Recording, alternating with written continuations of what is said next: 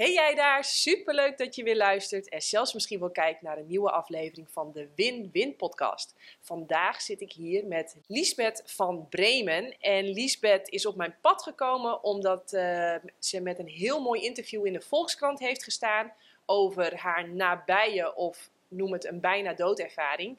Nou en iedereen die wel vaker naar mij luistert weet dat ik daar, uh, ja, dat daarmee heel veel voor mij is begonnen. En uh, ik verheug me dus ook echt ontzettend op dit gesprek met Liesbeth. Maar voordat we gaan beginnen, eerst het volgende. Vind je het werk wat ik maak gaaf? Bijvoorbeeld deze podcastshow of de blogs die ik schrijf. Die zijn gratis en die blijven ook gratis. Maar je kunt naar jannekevandermeulen.nl gaan en dan zoeken naar de knop doneren. En zo een financiële bijdrage doen. Dat waarderen wij echt enorm en dat zorgt ervoor dat we dit werk voort kunnen zetten. Yes!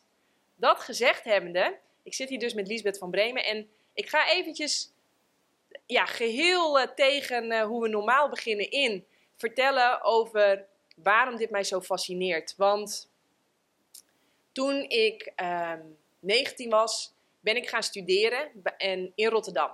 En ik had in Friesland altijd heel veel vriendinnen. Maar ik dacht, ja, hoe, wat is nou voor mij een makkelijke manier om veel vriendinnen te krijgen in een grote nieuwe stad waar ik echt helemaal niemand ken? En dat is door lid te worden bij de studentenvereniging. En ik heb toen gekozen voor de, de Rotterdamse Vrouwelijke Studentenvereniging. Ik dacht, uh, ja, dat is uh, veel meiden bij elkaar, maar dan begin je altijd met een ontgroening. En op dag 1 moesten wij, van de ontgroening, moesten wij uh, met z'n allen in een hele grote kring staan op een, op een heide. En het was die dag bloedheet. En je mocht niet eten, niet drinken. En je moest met je kin op je borst en je pinken langs je broeksnaad, moest je daar de hele tijd, ik zie Liesbeth echt kijken, moest je daar staan. En uh, ik ben op een gegeven moment uh, knock-out gegaan, maar tijdens dat ik knock-out ging, ben ik met mijn kop op een afgezaagde boomstam gekletst. Dus het was knock-out en daaroverheen kreeg ik een hele harde knal. En uh, ja, waar ik toen terecht kwam, dat was echt fantastisch. Dat was ja, echt, ik kan niet anders zeggen dan fantastisch. Het was alleen maar licht en alleen maar, ja, ik kan alleen maar zeggen fantastisch. En uh, op een gegeven moment hoorde ik Janneke, Janneke, Janneke, Janneke, Janneke. En iedereen was echt goed in paniek, want ik was al een tijdje weg. En ik dacht alleen maar, laat mij met rust, laat mij met rust. Maar goed, op een gegeven moment was ik er weer en toen dacht ik, jeetje, wat doet iedereen druk en bla bla bla. Maar goed, dat was dus in de tijd uh, dat ik uh, radio en televisie en zo al had afgezworen. Maar ik zat in de auto van mijn moeder en iets of iemand zei tegen mij: Doe de radio maar even aan. En ik heb toen de radio aangedaan en dat was Radio 2, want ik zat in de auto van mijn moeder en die luisterde altijd Radio 2. en er was een interview met Pim van Lommel. Die had het boek Eindeloos Bewustzijn net uitgebracht. En die vertelde over mensen met een bijna doodervaring. En ik dacht echt, wow. Heel veel lijkt niet op wat ik heb gehad. Maar de, dat, dat licht en die liefde en dat het fantastisch vinden. Ja, dat was voor mij zo herkenbaar. En ik ben later in mijn leven nog heel vaak keihard knock-out gegaan. Ik ben een keer uh, nou ja, zo ziek geweest dat ik knock-out ging. Nou, is voor mij gewoon één zwart gat. Ik ben een keer met een mountainbike in een uh, ravijn gedoken.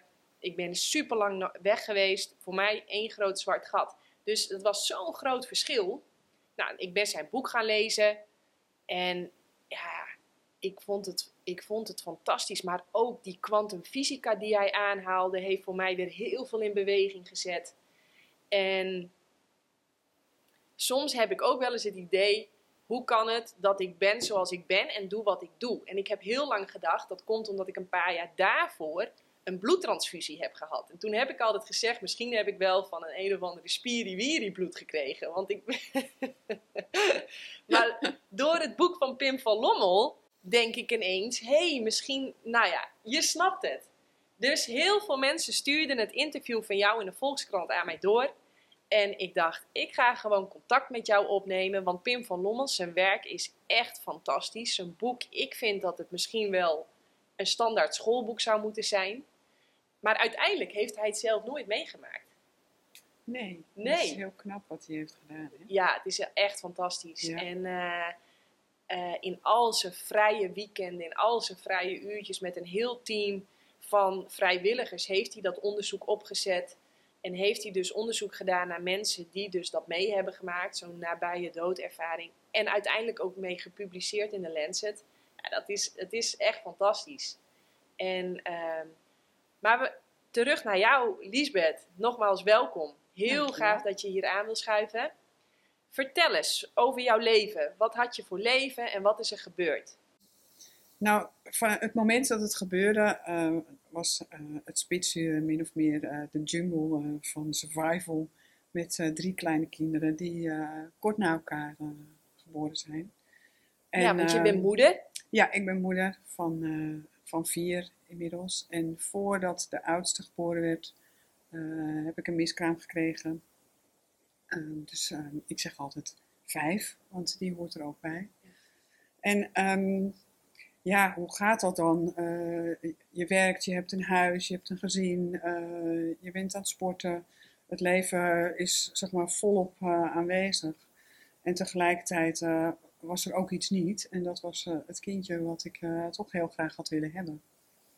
En mijn leven was op dat moment, nou, ja, zoals, zoals iedereen zeg maar, met een, een huishouden en kinderen doorgaan alle ballen hoog houden. Proberen zoveel mogelijk uh, ook nog van het leven te genieten. Um, totdat op een gegeven moment mijn, uh, mijn lijf zei: uh, Zo gaan we het niet langer doen. Dit kan niet zo. En of dat, zeg maar, de, ik, ik kreeg een, een blinde darmontsteking. Alleen dat wist ik toen nog niet. Het was ook een, een bijzondere, bleek later, want ik had nou ja, een, een blinde darm, zeg maar, die binnen 20 uur ontstoken en volledig geknapt was. Ehm, en ik voelde me eigenlijk gewoon een soort van grieperig. Dus ik ging ook gewoon nog naar het werk wat ik toen deed. Ik, was toen, uh, ik werkte toen op de communicatieafdeling van het Staans Medisch Centrum. En ehm, mijn collega die zag mij en kende, mij door en door. En die zei, joh, uh, volgens mij gaat het helemaal niet zo goed met jou zou je niet naar huis gaan? Nou, toen ben ik nog even gebleven, want zo was ik dan ook. Hè? Ik ga gewoon door tot, tot het echt niet langer kan. Uh, soms ten koste van inderdaad mezelf. En uh, ja, dat maakte eigenlijk dat ik uh, doodziek naar huis ging. Eenmaal thuis, nou ja, kinderen nog van het kinderdagverblijf gehaald enzovoort. de hele redrace gedaan. mijn bed ingedoken. En de volgende ochtend zei mijn man Marco van, joh, uh, je kan niet eens rechtop staan, bel de huisarts. Nou, de huisarts zelf kon niet, maar een huisarts in opleiding wel. En dat was een hele jonge vrouw. En uiteindelijk bleek zij mijn redding te zijn. Want um, ik ging naar het ziekenhuis. Ze heeft heel veel moeite gedaan om mij op de spoedeisende hulp te krijgen, omdat ze werd afgewimpeld eigenlijk met het uh, idee dat het een griepje was. Dat was uh, blijkbaar in dat seizoen van de zomer heel normaal dat heel veel mensen grieperig waren. En ik kwam op de spoedeisende hulp en ik ben echt van het kastje naar de muur gegaan, want ze konden het niet vinden. Ze konden in elk geval wel een ontsteking vinden, maar niet uh, dat mijn uh, darm uh, geperforeerd was en geknapt. Tot uiteindelijk um, ik een echo kreeg bij de gynaecoloog, die ja, ook bij de bevalling van Sadie had geholpen. En uh, die ontdekte dus dat er heel veel uh, troep in mijn buik al zat. En, uh, wat, wat, er gebeurt als je op darm geknapt is. En die zei, je moet echt binnen no time naar de OK. Want anders dan gaat het helemaal niet goed komen met jou. En toen lag ik inderdaad binnen 10 minuten op de OK. En daar begint het verhaal van mijn bijna doodervaring. Ja, dus dat is nu inmiddels ehm, twintig jaar geleden ruim dat dat uh, gebeurde. En staat het je nog helder voor de geest? Ja, het is heel bijzonder, want er zijn heel veel, ik heb heel veel zwarte gaten in mijn geheugen, zeg maar.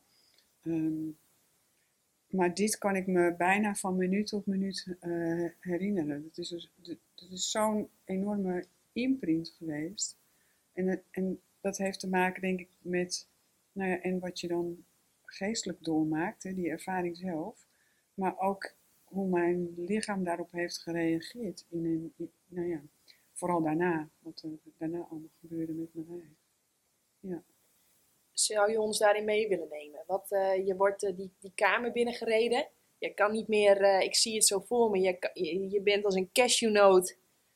Probeer je, toch? Nou, ik, ik was denk ik ook al vanaf het moment dat. Ik, ik weet nog het moment dat ze gingen, foto's gingen maken van mijn longen. Om te kijken of ik misschien een longembolie had. Of dat daar ergens iets zat wat niet goed was. Vanaf dat moment was ik eigenlijk een soort van al buiten mijn lichaam. Want er kwamen ook allerlei mensen binnen waarvan ik niet meer weet wat die nou precies kwamen doen. Maar het maakte me ook niet meer uit. Ik was gewoon een soort van uit mezelf om Ehm, denk ik ook dat dat beschermingsmechanisme is, hè, wat, wat dan in werking gaat op het moment dat er iets gebeurt wat heel heftig is voor je. Dus Dat je je dissocieert. ja, dat ik totaal gedissocieerd was van mijn lichaam. En ik dacht, ja, weet je, al snijden jullie me helemaal open nu, het maakt me niet uit als, ik maar, als het maar overgaat. Zo beroerd was mijn lichaam eraan toe. En ehm, nou ja, dat, dat ik met spoed naar de OK ging, dat was het moment van eh, dat ik naar de klok kijk. Dat vertel ik ook in het interview in de krant. Het is dan tien over zes. Nou, ik, ik weet niet waarom ik tien over zes überhaupt op een klok zou onthouden. Maar dat was het moment waarop ik zeg maar eh, van de tafel eh, met de, de bekende groene kleden en, en echt nog meer uit mijn lichaam ging dan dat ik al was. En toen kreeg ik ook de narcosekap op. En ehm, dat is denk ik wel iets wat vaker beschreven wordt, dat je dan jezelf ziet liggen. Maar om jezelf zo te zien liggen, dat is anders dan welke droom of zo je, je bijvoorbeeld ook mee kunt maken. En ik keek naar de klok en die klok, ehm, terwijl ik zo'n soort van in de ruimte was en tegelijkertijd ook niet in de ruimte was, eh, veranderde in een gezicht van een, van een man waarvan, ja, weet je, we hebben allemaal denk ik ook wel een voorstelling van hoe Jezus eruit ziet. Maar het was in ieder geval iets, iets een hele vriendelijke, liefdevol gezicht. Waardoor ik ook zoiets had, oh, ehm, het komt allemaal wel goed. En als ik jou volg, nou dan, eh, ik weet niet waar ik heen ga, maar het maakt niet uit waar ik heen ga. Ik ga wel met je mee. En ik hoorde nog wat zo geluiden zo rondom die operatietafel. En ik dacht, nee, ik ben daar al niet meer in mijn lichaam. Dus zorgen jullie daar maar voor ik ga. Eh, ja, dan komt altijd het moment waarop ik het meest geraakt word. Dat is denk ik misschien ook wat jij beschrijft. Ehm, door dat volgen van dat liefdevolle gezicht kwam ik in een tunnel met aan het eind een, een enorm warm licht wat wij in onze kleurenpalet bijna niet kunnen beschrijven. Ehm, gekoppeld aan een gevoel wat we niet, niet kennen. Althans, onvoorwaardelijk, liefdevol, eh, gewichtloos. eh, nou ja, fysiek zeg maar, dat, dat lijf dat was op die elkaar. Dus ik had alleen nog maar mijn ziel.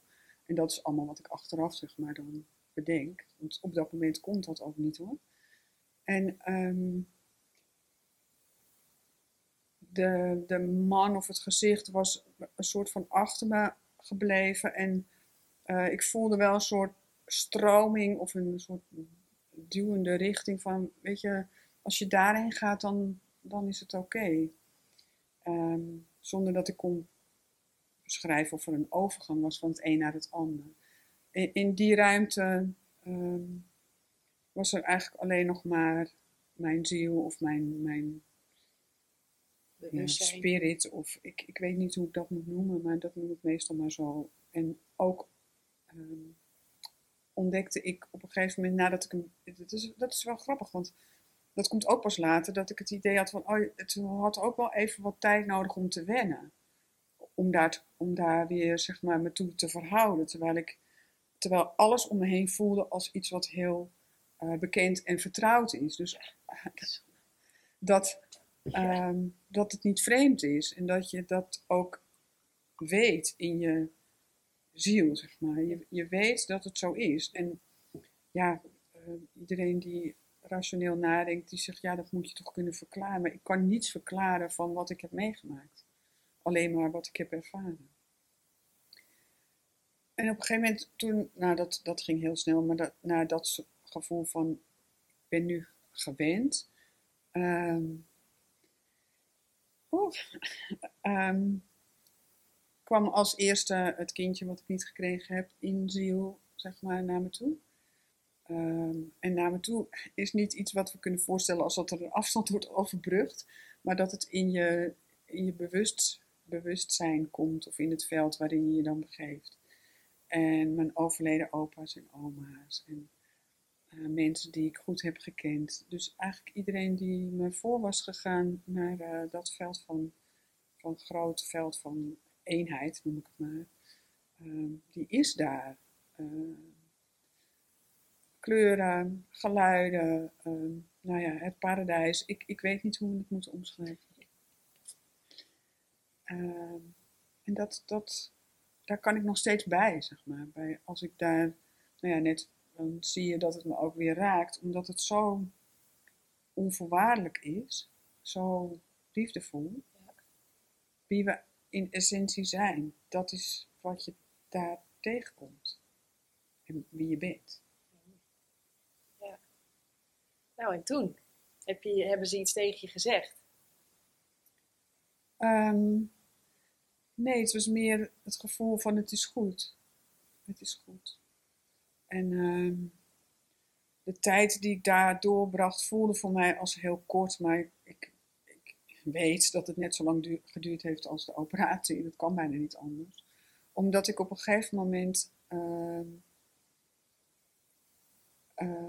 ja, dat, dat is een soort harde, een harde knip wat ik, wat ik dan voel. Um, waarin dat, dat, dat volledige uh, in eenheid zijn met andere zielen uh, heel hard werd doorbroken. Doordat ik weer terugkeerde op de verkoeverkamer waar ik uit mijn narcose werd gehaald. Alleen voor mij was het zo'n enorm verschil met waar ik vandaan kwam of waar ik dat op dat moment was.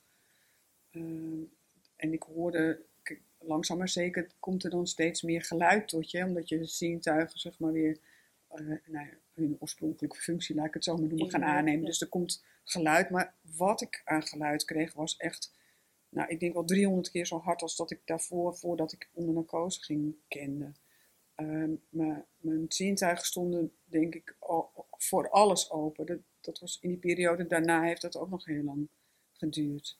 Maar wat het meest uh, pijnlijker was voor mij, was dat ik voelde dat, mijn, dat ik was vastgebonden door de infusen en aan het bed moest blijven. Maar mijn, alles in mij schreeuwde, ik wil, ik wil terug. Ik wil niet hier zijn. Ik wil niet uh, wakker gemaakt worden, want dat besef kwam steeds meer. En toen hebben ze me met vijf man vast moeten houden aan dat bed. En omdat anders dan had ik gewoon alles losgetrokken. Zoveel dat komt natuurlijk ook gewoon uit de narcose, dat je lijf weer begint te functioneren, adrenaline stoot, uh, die vast ook nodig is om alles weer te activeren. Daar geloof ik heel erg in. Maar er kwam nog iets anders bij mij mee en dat was veel meer dan, dat was gewoon boosheid en woede en onmacht en alles bij elkaar. Een soort van uh, vulkaan bijna, van, zo explosief voelde dat. Ja. Um, en ik was ook zo verdrietig was echt zo verdrietig. Dat hoor je zo vaak, hè? Ja. Dat hoor je zo. Ik baalde ook. Ik dacht echt, laat me met rust, laat me met rust. En waar maken jullie hier zo druk over? Dat kon ik ook niet begrijpen. Laat me maar gaan, dacht ik. Ja. En heb jij ook echt iets gehad dat ze zeiden van, uh, het is je tijd nog niet, ga maar terug? Ja, dat, was, dat kwam eigenlijk op het, de, overgang, zeg maar, waarin ik voelde dat er, dat er aan me getrokken werd, letterlijk. Zeg maar. Dus echt mijn ziel weer werd getrokken in mijn lijf. Ja. Toen, toen kwamen er, oké, het is je tijd nog niet.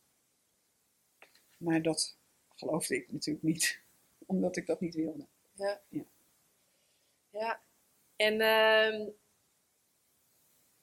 maar ik hoor dus niet echt terug, je hebt, je hebt niet echt gepraat met bijvoorbeeld... Uh, dat zieltje met je. Nou, dat is ook bijzonder, want oh. dat, dat, dat zou een suggestie doen dat dat ook zeg maar in die uitwisseling spreken is. Ja, ja, ja, ja, ja klopt. Alleen ehm, elkaar aankijken en je weet dat Zo voelde het niet voor mij. Het was gewoon mijn ziel in contact, in verbinding met de ziel van het kindje wat ik niet heb uh, mogen zien opgroeien, maar wel aanwezig is, uiteraard. Uh, opa's en oma's die ik niet zeg maar in dat beeld van wat ik kende van mijn opa en oma, maar als een entiteit of een, een belichaming van, nou ja, die we aards hebben, Ja. maar daar herkennen als dat ben jij, zo ken ik jou. ja, mooi hè? Ja, Zonder dus die opsmuk van het ego. Wie iemand echt puur in essentie is. ja je hoeft helemaal niets te vertellen of ehm, uit te wisselen in die zin van woorden, maar eh, de aanwezigheid van. En was jij voor die tijd eh, hiermee bezig? Had je er boeken over gelezen? Was je met spiritualiteit bezig? Altijd wel geweest, denk ik, als kind ook al.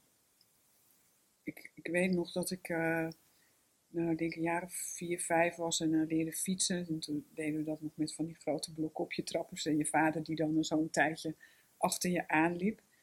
En ik kan me een moment herinneren dat ik in de straat fietste en het was voorjaar. En ik, ik zag die, het, het, groen wat er dan zo net uitkwam. En ik dacht, oh wauw, dus we zijn ook ik voel de, die bomen met die blaadjes en ik zie de stenen op de straat en ik voel dat ik daar dat ik onderdeel van uitmaak en tegelijkertijd zo nietig en zo klein ben als ik ben. Nou, die realisatie als kind is best wel uh, groot, denk ik. Um, en ik denk ook, ik weet wel zeker dat jonge kinderen enorm openstaan voor, voor dat stuk van spiritualiteit en met elkaar verbonden zijn. Dat het groter is dan alleen maar nou ja, wie je in dit lichaam bent voor mij was dat het moment waarop ik uh, ook steeds meer vraagtekens kreeg, wel ook over hoe de wereld in elkaar zat. Wat ik ontmoette, zeg maar, in de wereld, uh, klopte heel vaak niet met hoe ik me voelde. Dus dan komt al heel snel, denk, denk ik ook bij jonge kinderen, dat er nou ja, vanuit de omgeving allerlei, um, allerlei overtuigingen en boodschappen en normen en waarden komen zo hoort het, zo doen we het. Nee, je mag niet. Ik, ik was een enorme dromer. Ik zat altijd te dromen in de klas. Ik, ik, denk dat er geen rapport is waarop staat, ja, ze kan best wel goed leren, maar ze is altijd aan het dromen. Misschien zouden ze er tegenwoordig zelfs een hele mooie stempeltje voor hebben, voor dat ik uh, snel afgeleid was. Maar ik was bezig met, met een hele andere wereld. Mijn belevingswereld was gewoon totaal anders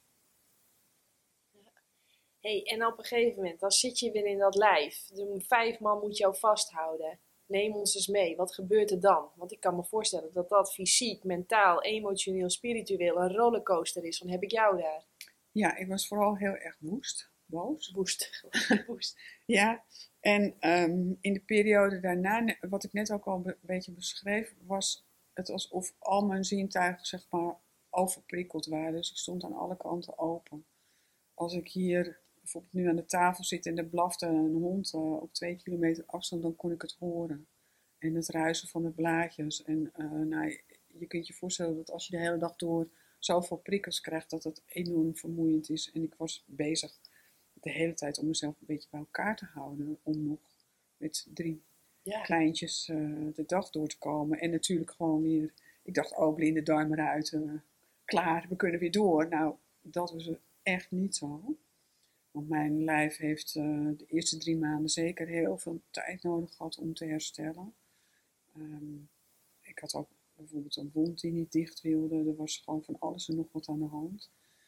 Um, helemaal uh, als je een geperforeerde blinde darm hebt die wat langer geperforeerd is, dan is je hele uh, buikholte ook behoorlijk geïnfecteerd geweest. Dus er kwam een enorme stoot en antibiotica bij kijken, waar ik vervolgens weer allergisch voor was, nou, enzovoort. Dus dat hele fysieke stuk, dat heeft ongelooflijk veel tijd genomen.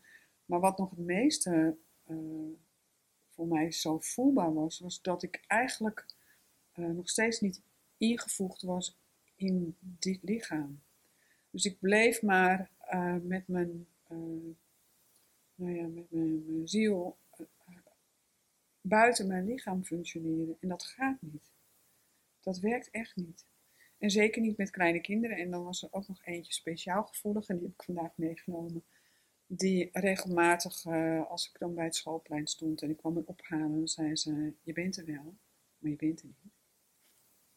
En dat voelde ze haar fijn aan, hoe, dat, hoe ik zeg maar niet eh, in contact was en niet in verbinding. Ik, was natuurlijk, ik, deed precies wat ik moest doen en elke dag opnieuw, eh, dat ging prima, maar het was meer een soort automatische piloot geworden. Ja. Ehm, en toen mijn lichaam, zeg maar, de wond en alles, uh, ik denk ook die buik hersteld was, toen bleek, we weten allemaal hoe dat komt, maar toen bleek dat ik zwanger was van de jongste. Dus het leven uh, nodigde me vooral uit uh, om, om te leven en om nou ja, te genieten natuurlijk van de kinderen, wat ik altijd heel graag heb gewild. Moeder worden was een van mijn grootste dromen. En het was heel confronterend. Het was heel confronterend. Het was tegelijkertijd natuurlijk geluk en, en, en, plezier en enorm dankbaar. En aan de andere kant uh, ja, klopte het nog niet met waar ik op dat moment psychisch ook was. En mijn ziel was. En hoe moet ik dat me voor me zien? Dat je de hele tijd eigenlijk terug verlangt. Nou, vertel het zelf. Hoe, hoe, hoe... Ben je letterlijk op twee plekken? Of ontsnap je naar een droom? Het is beide. En wat ik het lastigst vond om mee te dealen was constant het gevoel dat ik, uh, nou ja, mijn leven uh, prachtig, uh, gezonde kinderen, een huis, een, een, een, man, een baan, alles vervuld. En toch het verlangen hebben naar de dood. Althans, niet de dood zelf, zeg maar, maar de overgang naar dat, naar dat licht en dat gevoel dat bleef. Dat maakte dat ik dus continu, uh, als, het dan, als ik onder druk kwam of als er veel stress was, oh ja. dan stapte ik gewoon zo makkelijk uit. Ik heb nooit gedacht, uh, ik maak er een eind aan. Ik heb wel momenten gehad dat ik dan uh, op een begrafenis was bijvoorbeeld en dacht, oh jij wel. Dus het, dat is natuurlijk heel dubbel als je een gezin hebt met jonge kinderen. Ja. En dat je verlangen zo groot is, dat je eigenlijk niet bij hen wil zijn. Dat is natuurlijk ook niet waar.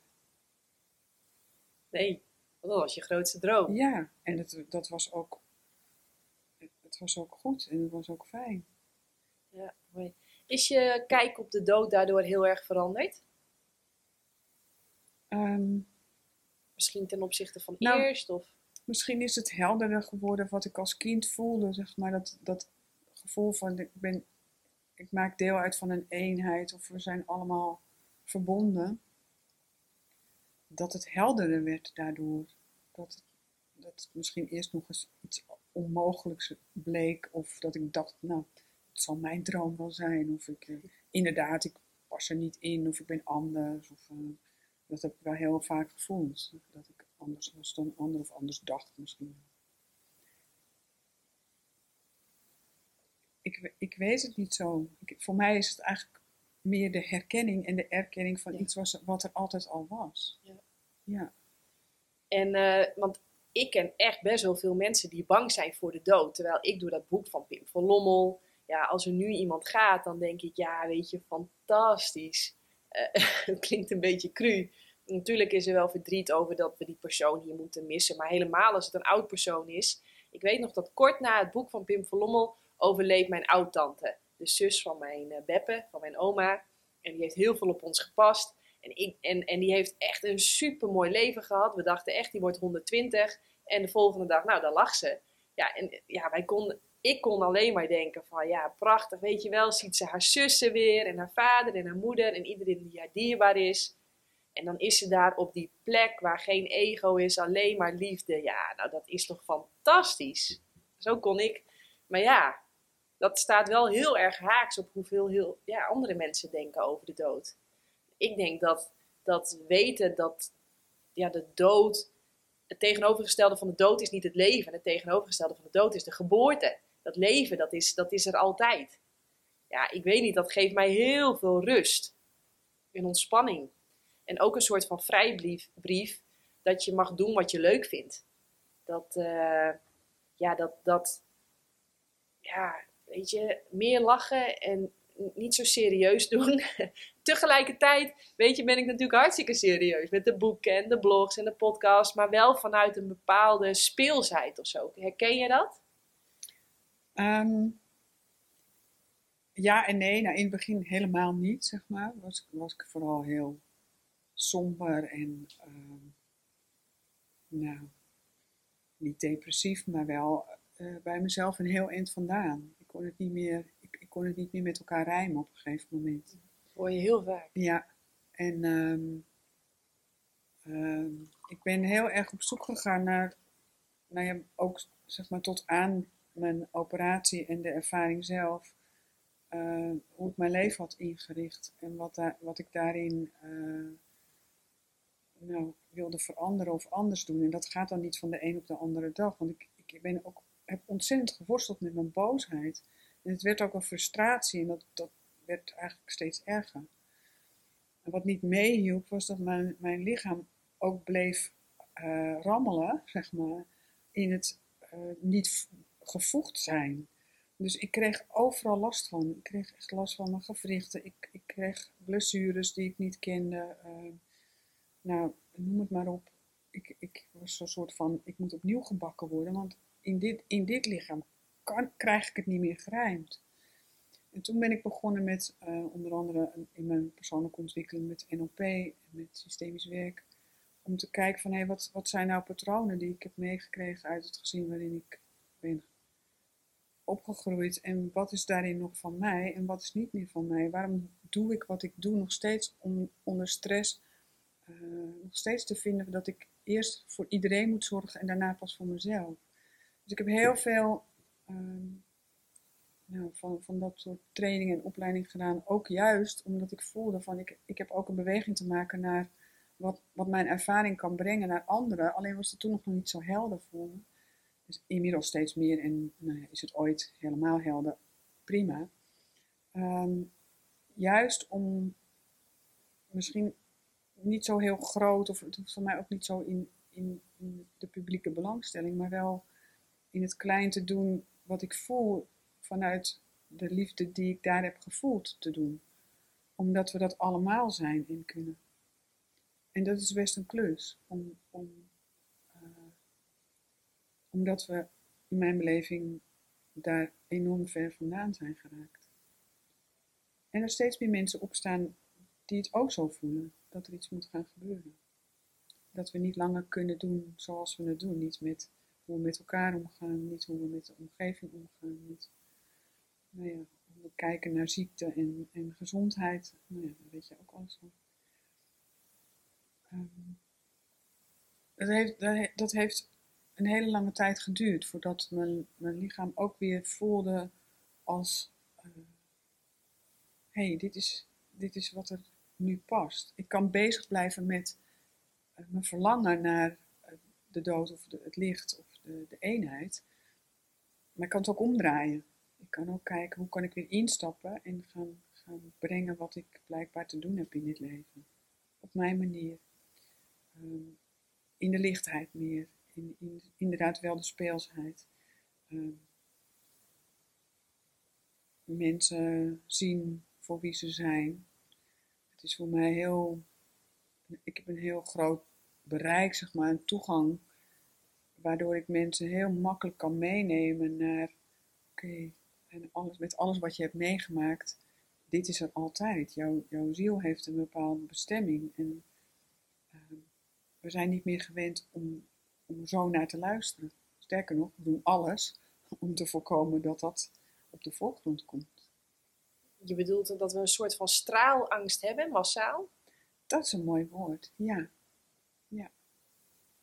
En, uh, want dat heb, ik nog, uh, dat heb ik nog opgeschreven. Geloof jij dan in vrije wil?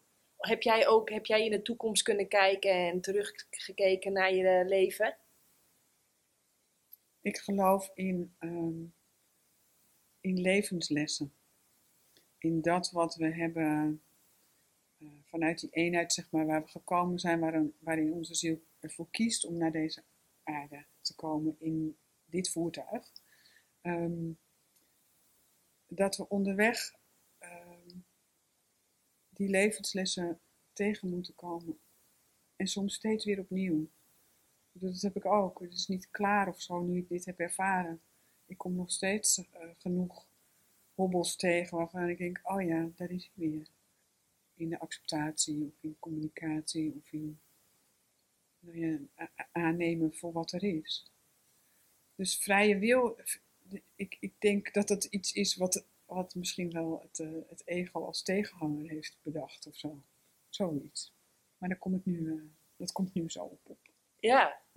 ja, je bedoelt, uh, ik, ik ga even met je mee filosoferen, maar vrije wil betekent eigenlijk dat jij zelf je stappen kunt bepalen en dat je dus ook zelf je eindpunt bepaalt. Uh, en dat tegenover staat, dat lees ik ook in de boeken terug van Pim van Lommel.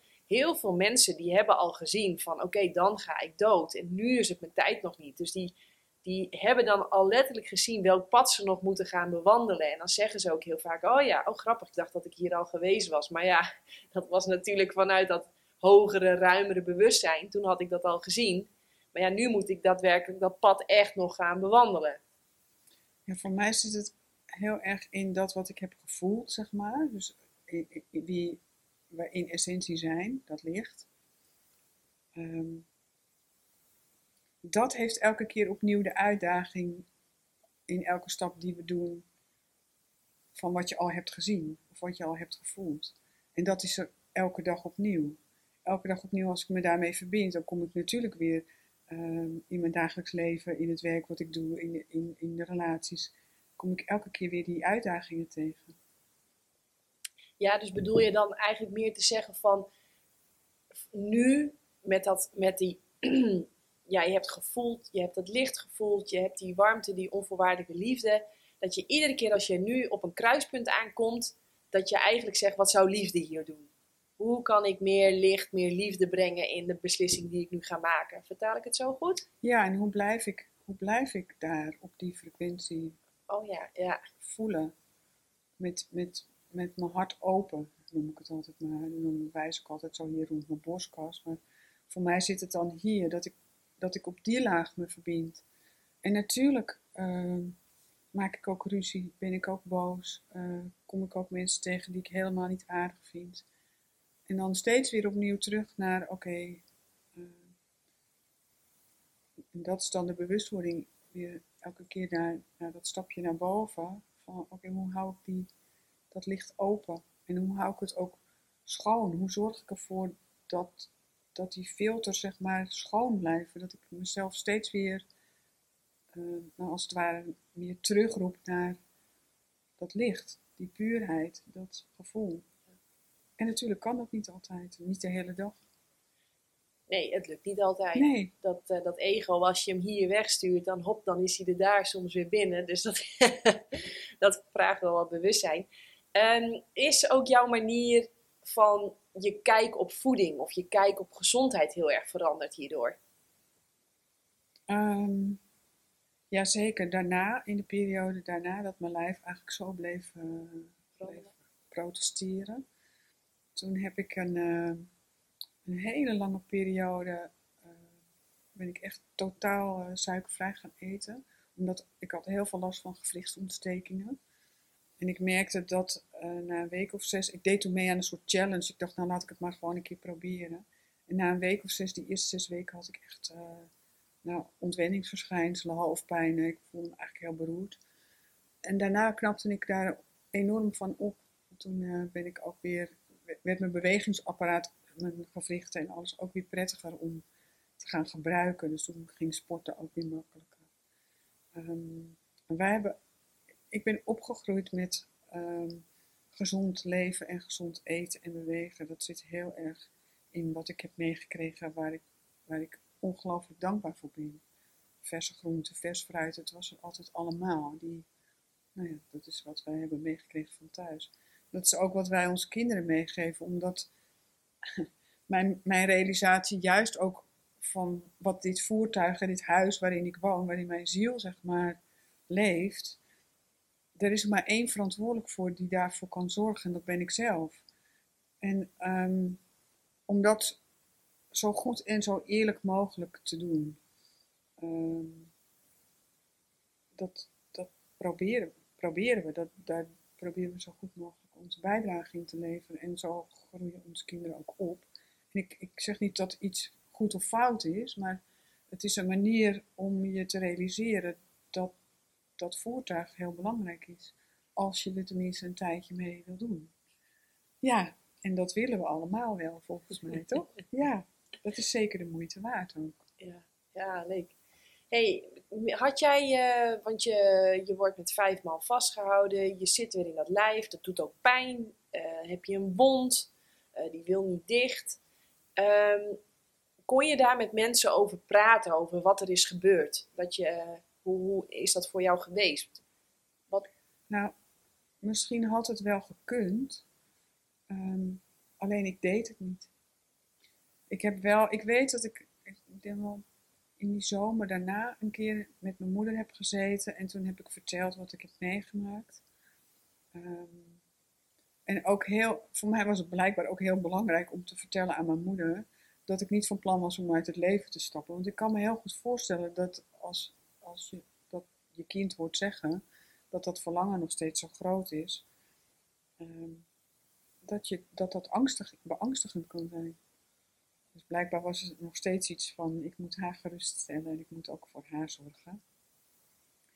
En, uh, Zegt ze niet lachen. Ja, omdat dat ook een van de dingen is die ik natuurlijk heb meegekregen. Die zorgzaamheid heeft en, en een valkuil en een ongelooflijke kwaliteit. En mijn valkuil was dat ik altijd bezig was om voor anderen te zorgen, niet voor mezelf. Dus daarom zie je me lachen, omdat het inmiddels veel, echt zoveel anders voelt. Um, dus daar heb ik het wel verteld. En verder uh, voelde ik me, ik denk een, gedurende een jaar of tien, vanaf dat het gebeurd was, echt een soort alien. Ik had het idee dat ik in een soort wereld rondliep. Uh, waarin ik mijn eigen beste vriend was. En dat klopte natuurlijk ook. En niet meer uh, het idee had dat nou ja, sowieso dacht ik, ja, wie zit er nou op mijn verhaal te wachten? Dus dat ging natuurlijk ook een mooi eigen leven leiden. Als je dat lang genoeg volhoudt, dan vertel je nooit meer iets.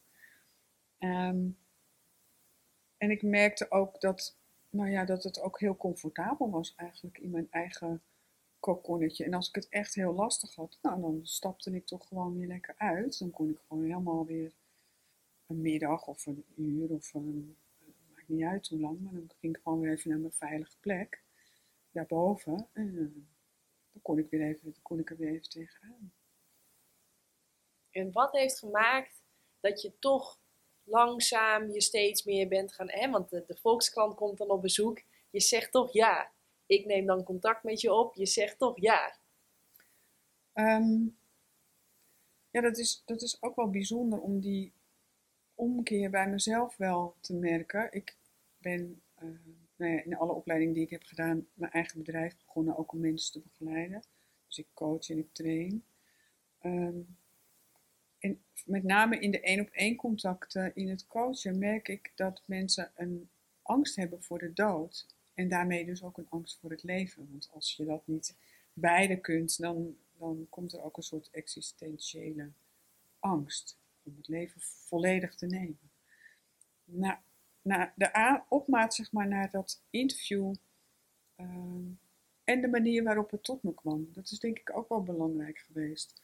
Want ik heb vaker verzoeken gekregen, want mijn, op mijn website heb ik nou al een hele tijd geleden gewoon mijn hele verhaal al eerder gedeeld. En wat grappig is, dat kun je tegenwoordig natuurlijk heel goed zien uh, waar mensen dan op zoeken. En dat is een van de meest bezochte uh, pagina's van mijn site. Mensen hebben een soort honger om te weten en nieuwsgierigheid om te weten en de geruststelling hoe het is als je overgaat naar de dood, na de dood. Um, dus dat besef dat, dat, er, dat, dat er een enorme behoefte is om daar meer over te gaan hebben. En ook vooral in die openheid. Dat maakte dat ik tegen Fokke ja zei. Zijn integriteit heeft me enorm geraakt. Ja. Um, en dan zeg ik ja vanaf een andere plek. Misschien kun je dat wel voelen ik merk het ook aan mijn stem. Als ik daar, daarmee in verbinding ben, dan komt het uit een bron die zegt, ja, dit is wat je te doen hebt. Maar niet omdat ik zelf nou zo graag in die spotlight sta. Nee, absoluut niet. Dat is niet wat bij mij past. En hij zei ook zo mooi, al is er maar één iemand die door dit interview minder angstig is, dan is het oké. En toen dacht ik, precies. En daar ga ik op aan, daar resoneer ik mee. Dat wil ik, da- daar wil ik mijn bijdrage aan leveren. Ja. En ehm, het is mooi, want ik had ook een soort van. Zo naïef ben ik dan blijkbaar ook nog. De Volkskrant is natuurlijk een best wel een groot medium. En ik kreeg echt zoveel reacties. Hij, heeft het ook wel, hij had het ook wel gezegd, maar ik dacht nog, ja, ik heb de tekst gelezen en het staat er nu in. Nou, ik werd overspoeld.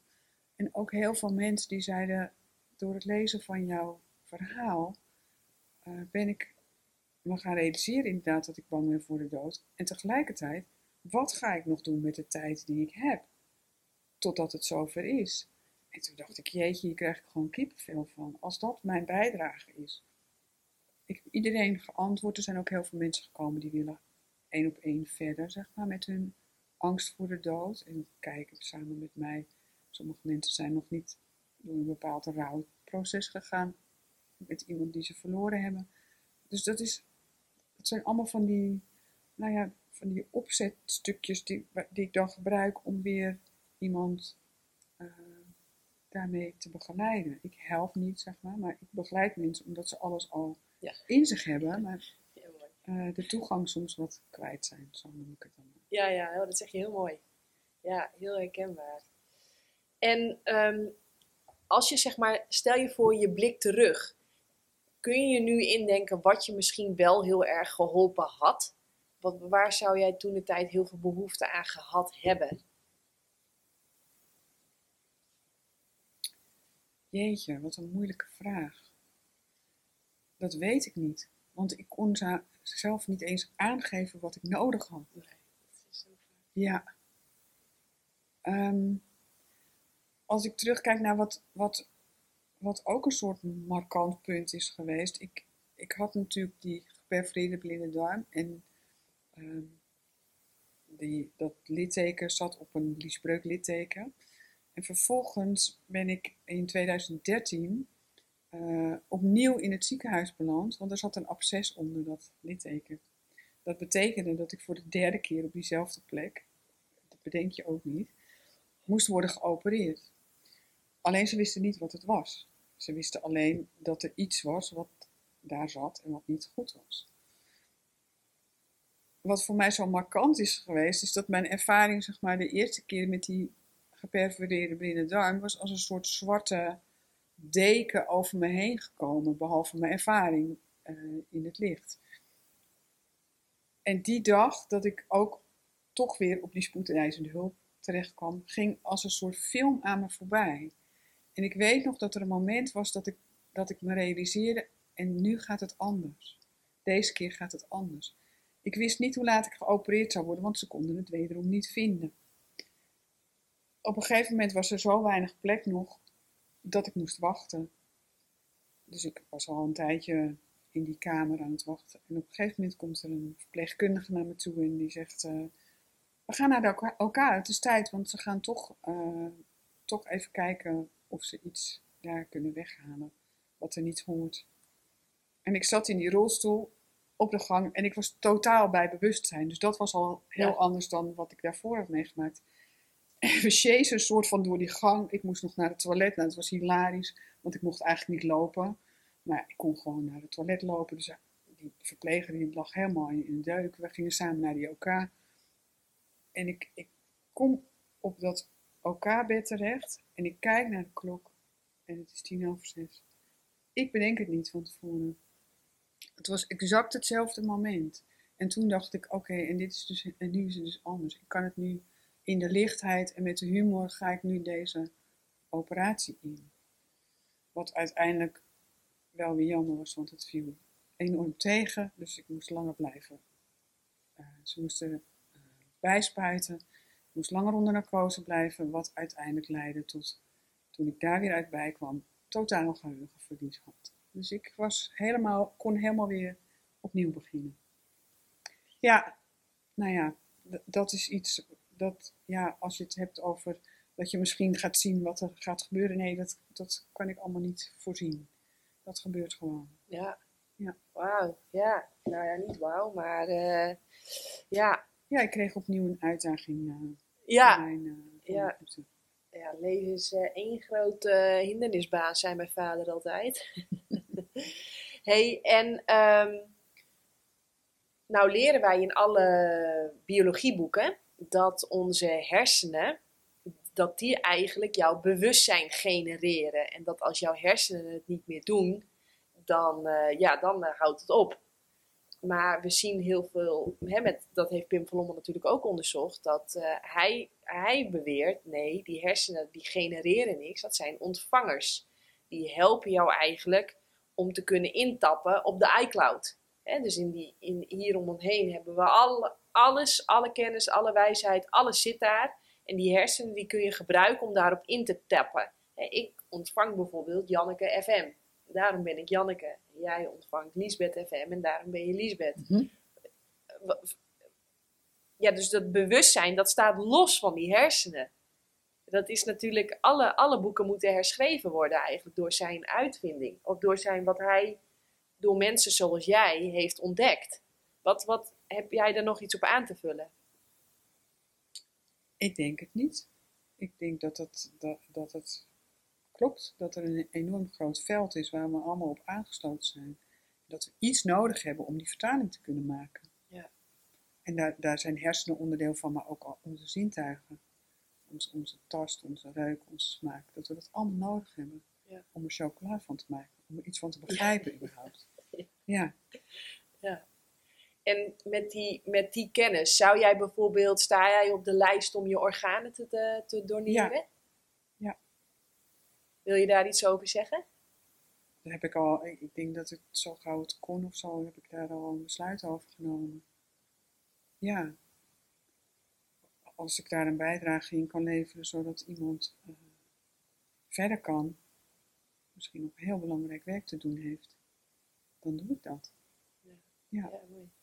Ik heb toen bijvoorbeeld, eh, als toen je 18 werd, ik weet het niet meer, maar ik heb dus direct gezegd: nee, ik doe dat niet. En dat klinkt inderdaad super egoïstisch, eh, maar met het idee van eh, je moet nog een soort van in leven zijn als je organen worden geoogst.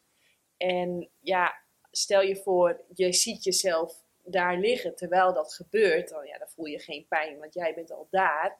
Maar stel je voor, het is je tijd nog niet. Ja, dan moet je dus half in een ander lichaam nog terugkomen. Dat zien we dus ook, dat mensen die soms organen hebben van iemand anders, dat ze helemaal van karakter veranderen. Dus ja, ik dacht, nee, ik, ik, eh, ik, ik doe het niet. dat is uiteindelijk de beslissing die ik heb genomen. Maar ja, misschien is dat ook wel.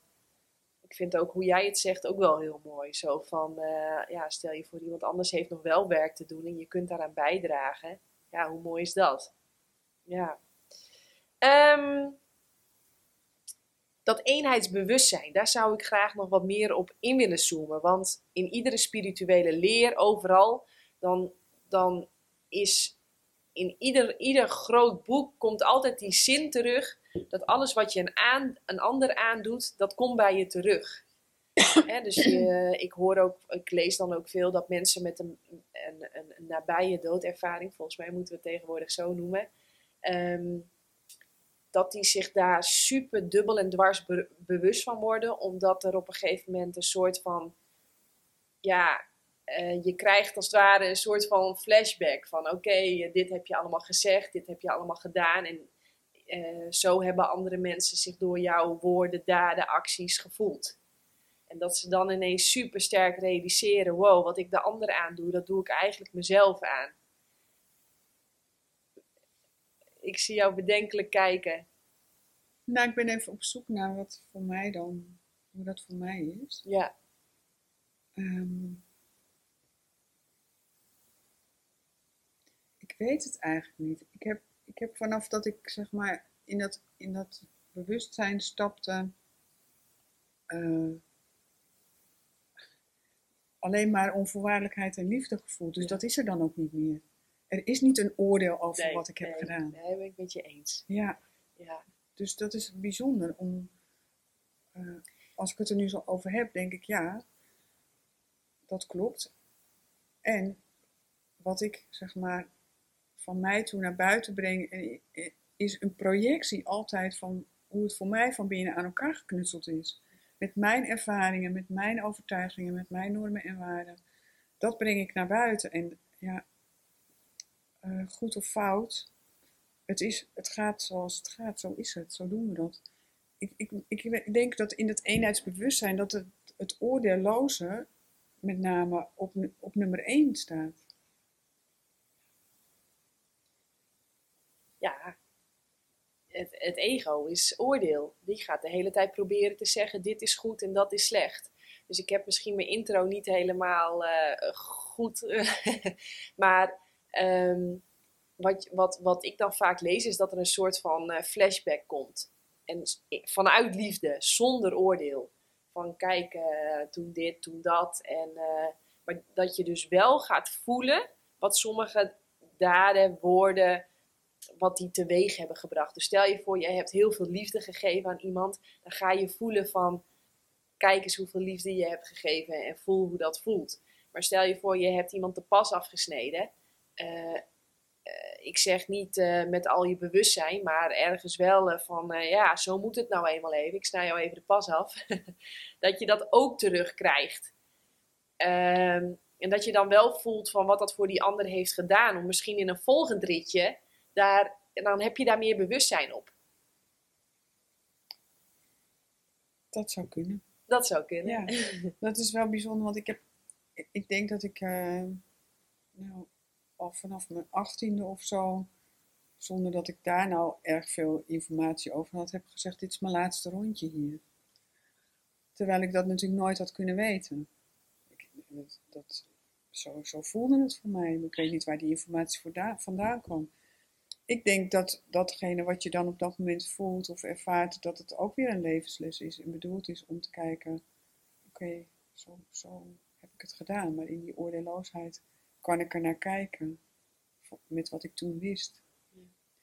En wat helpt jou in het dagelijks leven om die oordeelloosheid uh, ja, in de praktijk te brengen?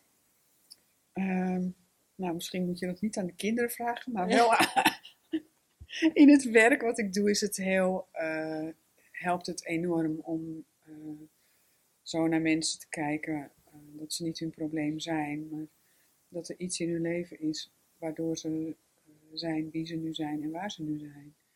Um, kijk, als mensen bij mij komen en ik heb al een oordeel, dan kan ik ook niet meer werken, want dan ben ik al bezig met wat mijn projectie is over deze persoon. Ja. En soms dan vertelt iemand dan zijn verhaal en dan denk ik zo, wat knap dat je er nog bent. Of wat mooi dat je, dat je er ook nog uh, vanuit liefde naar kunt kijken. Um, en natuurlijk, ik, uh, als iemand mij afsnijdt op de snelweg, denk ik ook, potverdorie, wat een uh, puntje, puntje, puntje. maar daarna komt vaak wel, oké, okay, misschien is het de gynaecoloog die op weg is naar een bevalling en hij moet gewoon zo hard rijden ik ben wel altijd een soort leveler geweest, dat ook, als kind, om in die harmonie te, te, kunnen blijven. Dat kost ook enorm veel als je niet realiseert wat je de hele tijd aan het doen bent. Namelijk, je wil graag heel veel goed maken, wat niet jouw taak is en jouw opdracht. Um, dat kost bakken met energie, daar, daar raken we ook vermoeid van, als we op die manier blijven leven. Ik heb daar heel veel in moeten leren, heel veel, en, en nog steeds. Ja, het klinkt ook bijna wel dat je bijna meer, uh, en corrigeer me, hè, want het zijn mijn woorden, maar steeds meer toestemming geeft aan jezelf om eerst in eerste plaats voor jezelf te zorgen. Ja, daar begint het bij. We gebruiken vaak de metafoor van het vliegtuig, dat uh, de stewardess altijd zegt, uh, ouders, eerst het zuurstofmasker bij jezelf op en dan pas bij de kinderen. Je kan niet voor een ander zorgen als je niet eerst voor je eigen, nou ja, je lichaam, je, je fysieke gestel, je, je psychische gesteldheid zorgt. En soms zijn er natuurlijk ook momenten en fases in je leven waarop dat gewoon niet uh, lekker loopt of gewoon überhaupt niet kan. Als je een ziek kind hebt, dan zul je eerst voor een ziek kind moeten zorgen. Een ouder die heel behoefend is, heeft ook hulp nodig. Maar als je dat doet vanuit waar jij begint, zeg maar, met voor jezelf te zorgen, dan hou je ook je batterijtje uh, nog meer heel en hou je over. In plaats van dat je leeg loopt. Ja. En uh, een brutale vraag misschien, maar zijn er ook mensen die denken van die Lisbeth die lult maar wat? Dat zou kunnen, dat weet ik niet. dat zeggen ze in ieder geval niet tegen me. En stel je voor, eh, ja oké, dus, ja, dus niet, niet eh, geen, eh, dat komt niet voor. Je hebt dat nog niet meegemaakt. Nee, maar misschien zijn ze er wel. Ja, en stel je voor, ze luisteren naar deze podcast en, en, en, en ze denken dat of zo. Wat, wat, wat, wat gebeurt er dan in jou? Of wat, wat denk je dan? Of wat zou je dan willen zeggen? Nou, het is misschien wel mooi om het gezin als voorbeeld te nemen. Want uh, een aantal van onze, van ons gezin, uh, die heeft dus de overtuiging dat dood is dood. Dus we hebben ook veel diertjes. Dus als een diertje dood is, is dood. Gewoon, je stopt het onder de grond en het is klaar. En er zijn een aantal die de overtuiging hebben dat er een ziel in zit. En dat dat overgaat. En dat dat, dat na de dood, dat de dood een overgang is naar een ander, andere beleving van het leven. Um, dus daarin kom ik natuurlijk ook weerstand tegen. Dus dan is het, ja, dat is, dat is jouw geloof. Jij mag dat vinden, je mag het. Voor mij is het anders. Um, voor mij was het altijd al anders, denk ik. En deze ervaring heeft, het, heeft de bevestiging gebracht dat het voor mij ook echt anders is. Ja. ja. En waar ik ook echt heel nieuwsgierig naar ben, zijn er boeken of is er iets wat jou enorm heeft geholpen? Heb je een favoriet boek of zeg je van nou, dit boek is voor mij echt een game changer geweest. Dit, uh, nou, wat ik, ehm, wat ik me pas later realiseerde doordat mijn lichaam zeg maar zoveel uh, problemen gaf in het weer opnieuw voegen, ehm, dat mijn, mijn uh, lichaam is blijven staan eigenlijk in de traumastand van de ervaring op dat ziekenhuisbed, dat ik er eigenlijk niet in wilde, uh, maar er buiten ben gebleven, dus heel veel moeite had om te voegen dat zorgt ervoor dat er, dat er ook een, een traumatische ervaring is opgeslagen in dat lijf. En ik ben uh, een jaar of vijf geleden, denk ik, uh, ook door iemand geattendeerd op de Tijger ontwaakt van Pieter Levine. En die beschrijft heel mooi hoe dat, hoe dat lichaam zeg maar, reageert op een uh, gebeurtenis die heel impactvol en heftig is. Um, dat heeft me geholpen om er anders naar te gaan kijken. Want ik wilde wel handelen, maar ik kon het niet op dat moment. En die, die, onmacht, zeg maar, die, dat gevoel, dat installeert zich dan nog een keer dubbel.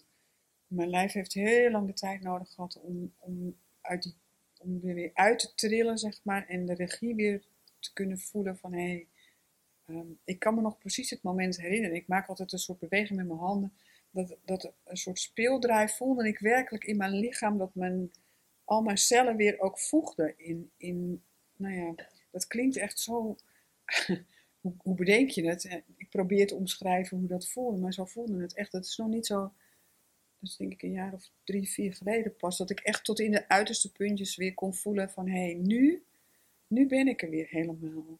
Terwijl in het begin van, van dat ik net de, uh, geopereerd was, de eerste drie, vier jaar, uh, op een gegeven moment weet ik nog dat ik onder de douche stond en dacht, oh, ik heb ook voeten.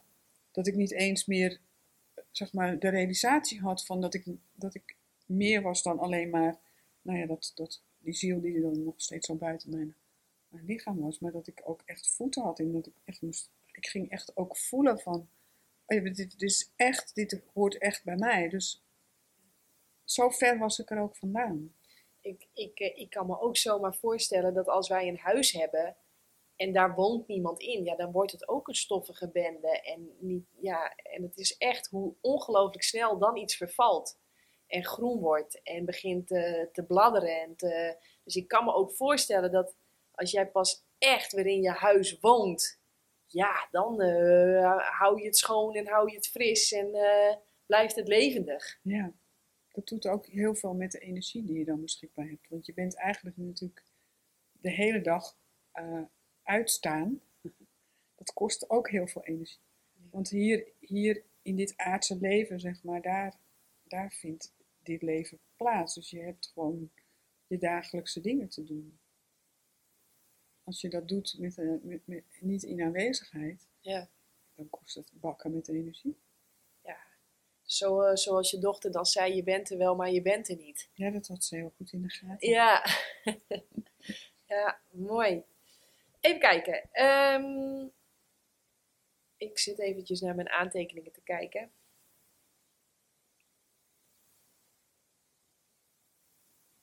Ja, we hebben die dingen, die hebben we allemaal eh, afgestreept. Ik ben nog wel nieuwsgierig. Is dat dan ook waarom jij denkt dat mensen ziek worden? Heb je daar een idee over? Ik heb heel veel ideeën over waarom mensen ziek worden. Dit is er één van. Ehm, kijk, voor mij was het, waren, persoonlijk waren er gewoon een aantal ehm,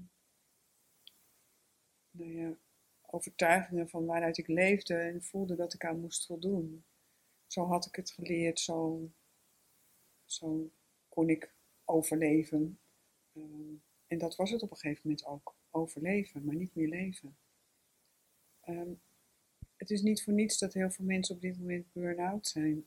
Omdat ze voelen, en dan kom ik weer wel bij iets waar, ik zeker in geloof, dat dat is de bestemming die je hebt, dat wat jij uh, in deze wereld te brengen hebt.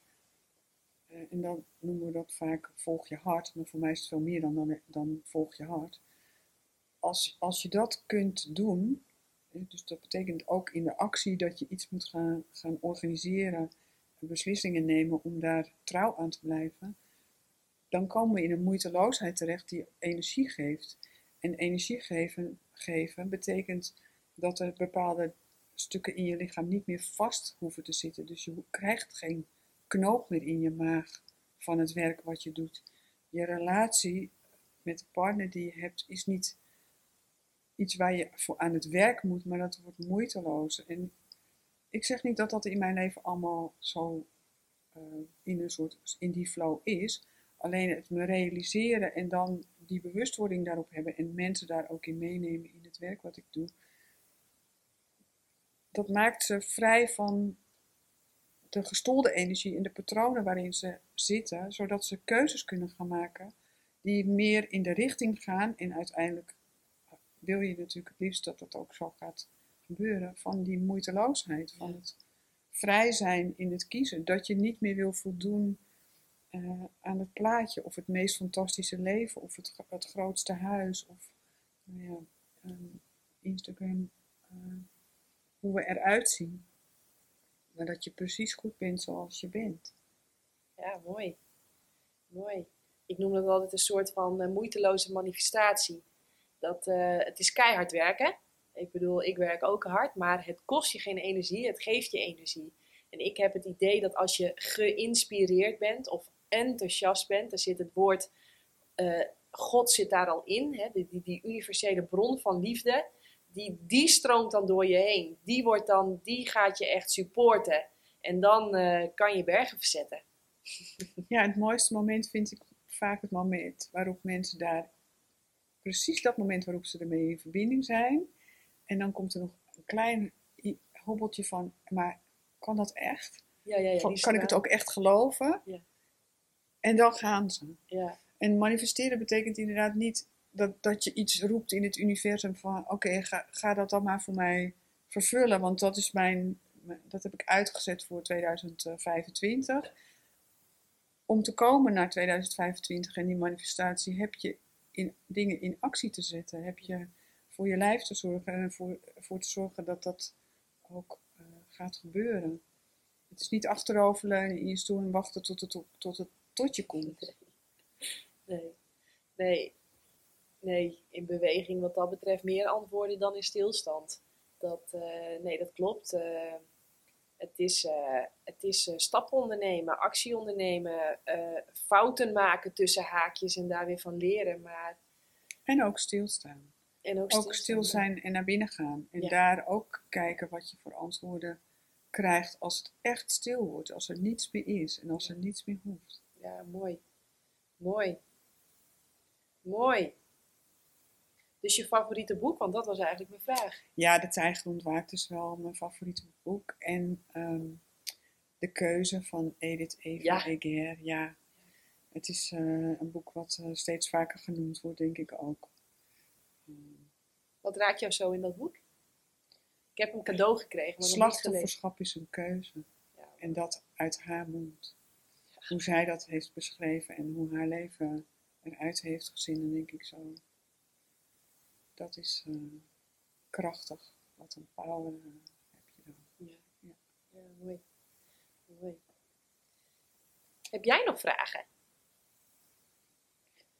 Nee, ik, eh, ik ben eigenlijk leeg, klaar. Leuk. Hoe kunnen mensen jou vinden, met jou samenwerken? Nou, als je zoekt op eh Lisbeth van Bremen, dan kom je mijn site tegen. En dan kunnen we op allerlei manieren verbinden. Ja, Leuk. Mooi. Dankjewel. Ga ik hem afsluiten. heel graag gedaan, Janneke. Jij ook heel erg bedankt voor het luisteren. Je hebt zelfs misschien wel gekeken. Vind je dit gaaf? Deel het dan volop op je social media. En zo mooi als Lisbeth dat al zei. Stel je voor, er is maar één iemand die hierdoor wat meer kan ontspannen omdat hij niet meer zo bang is voor de dood. Of één iemand die denkt, hé, hey, misschien was ik zo gek wel nog niet. En is wat ik heb meegemaakt wel hartstikke normaal. Hoe gaaf zou dat zijn? Dus deel het volop. Je mag ook naar jannekevandermeulen.nl gaan en dan zoeken naar de knop doneren. Heb je al gedoneerd? Onwijs gaaf, dankjewel. En dan zou ik zeggen, tot de volgende keer. Doei! Wil jij ook op een supergezonde, verantwoorde manier meer plantaardig eten? Lees dan het nieuwste boek De Eiwitleugen. Mijn naam is Janneke van der Meulen. In 2019 werd ik voor het eerst wereldkampioen kustroeien en in 2021 werd ik moeder. Allemaal op een dieet van voornamelijk fruit en planten. Want weet je wat het leuke is? Jij hoeft niet dezelfde fouten te maken als dat ik heb gemaakt.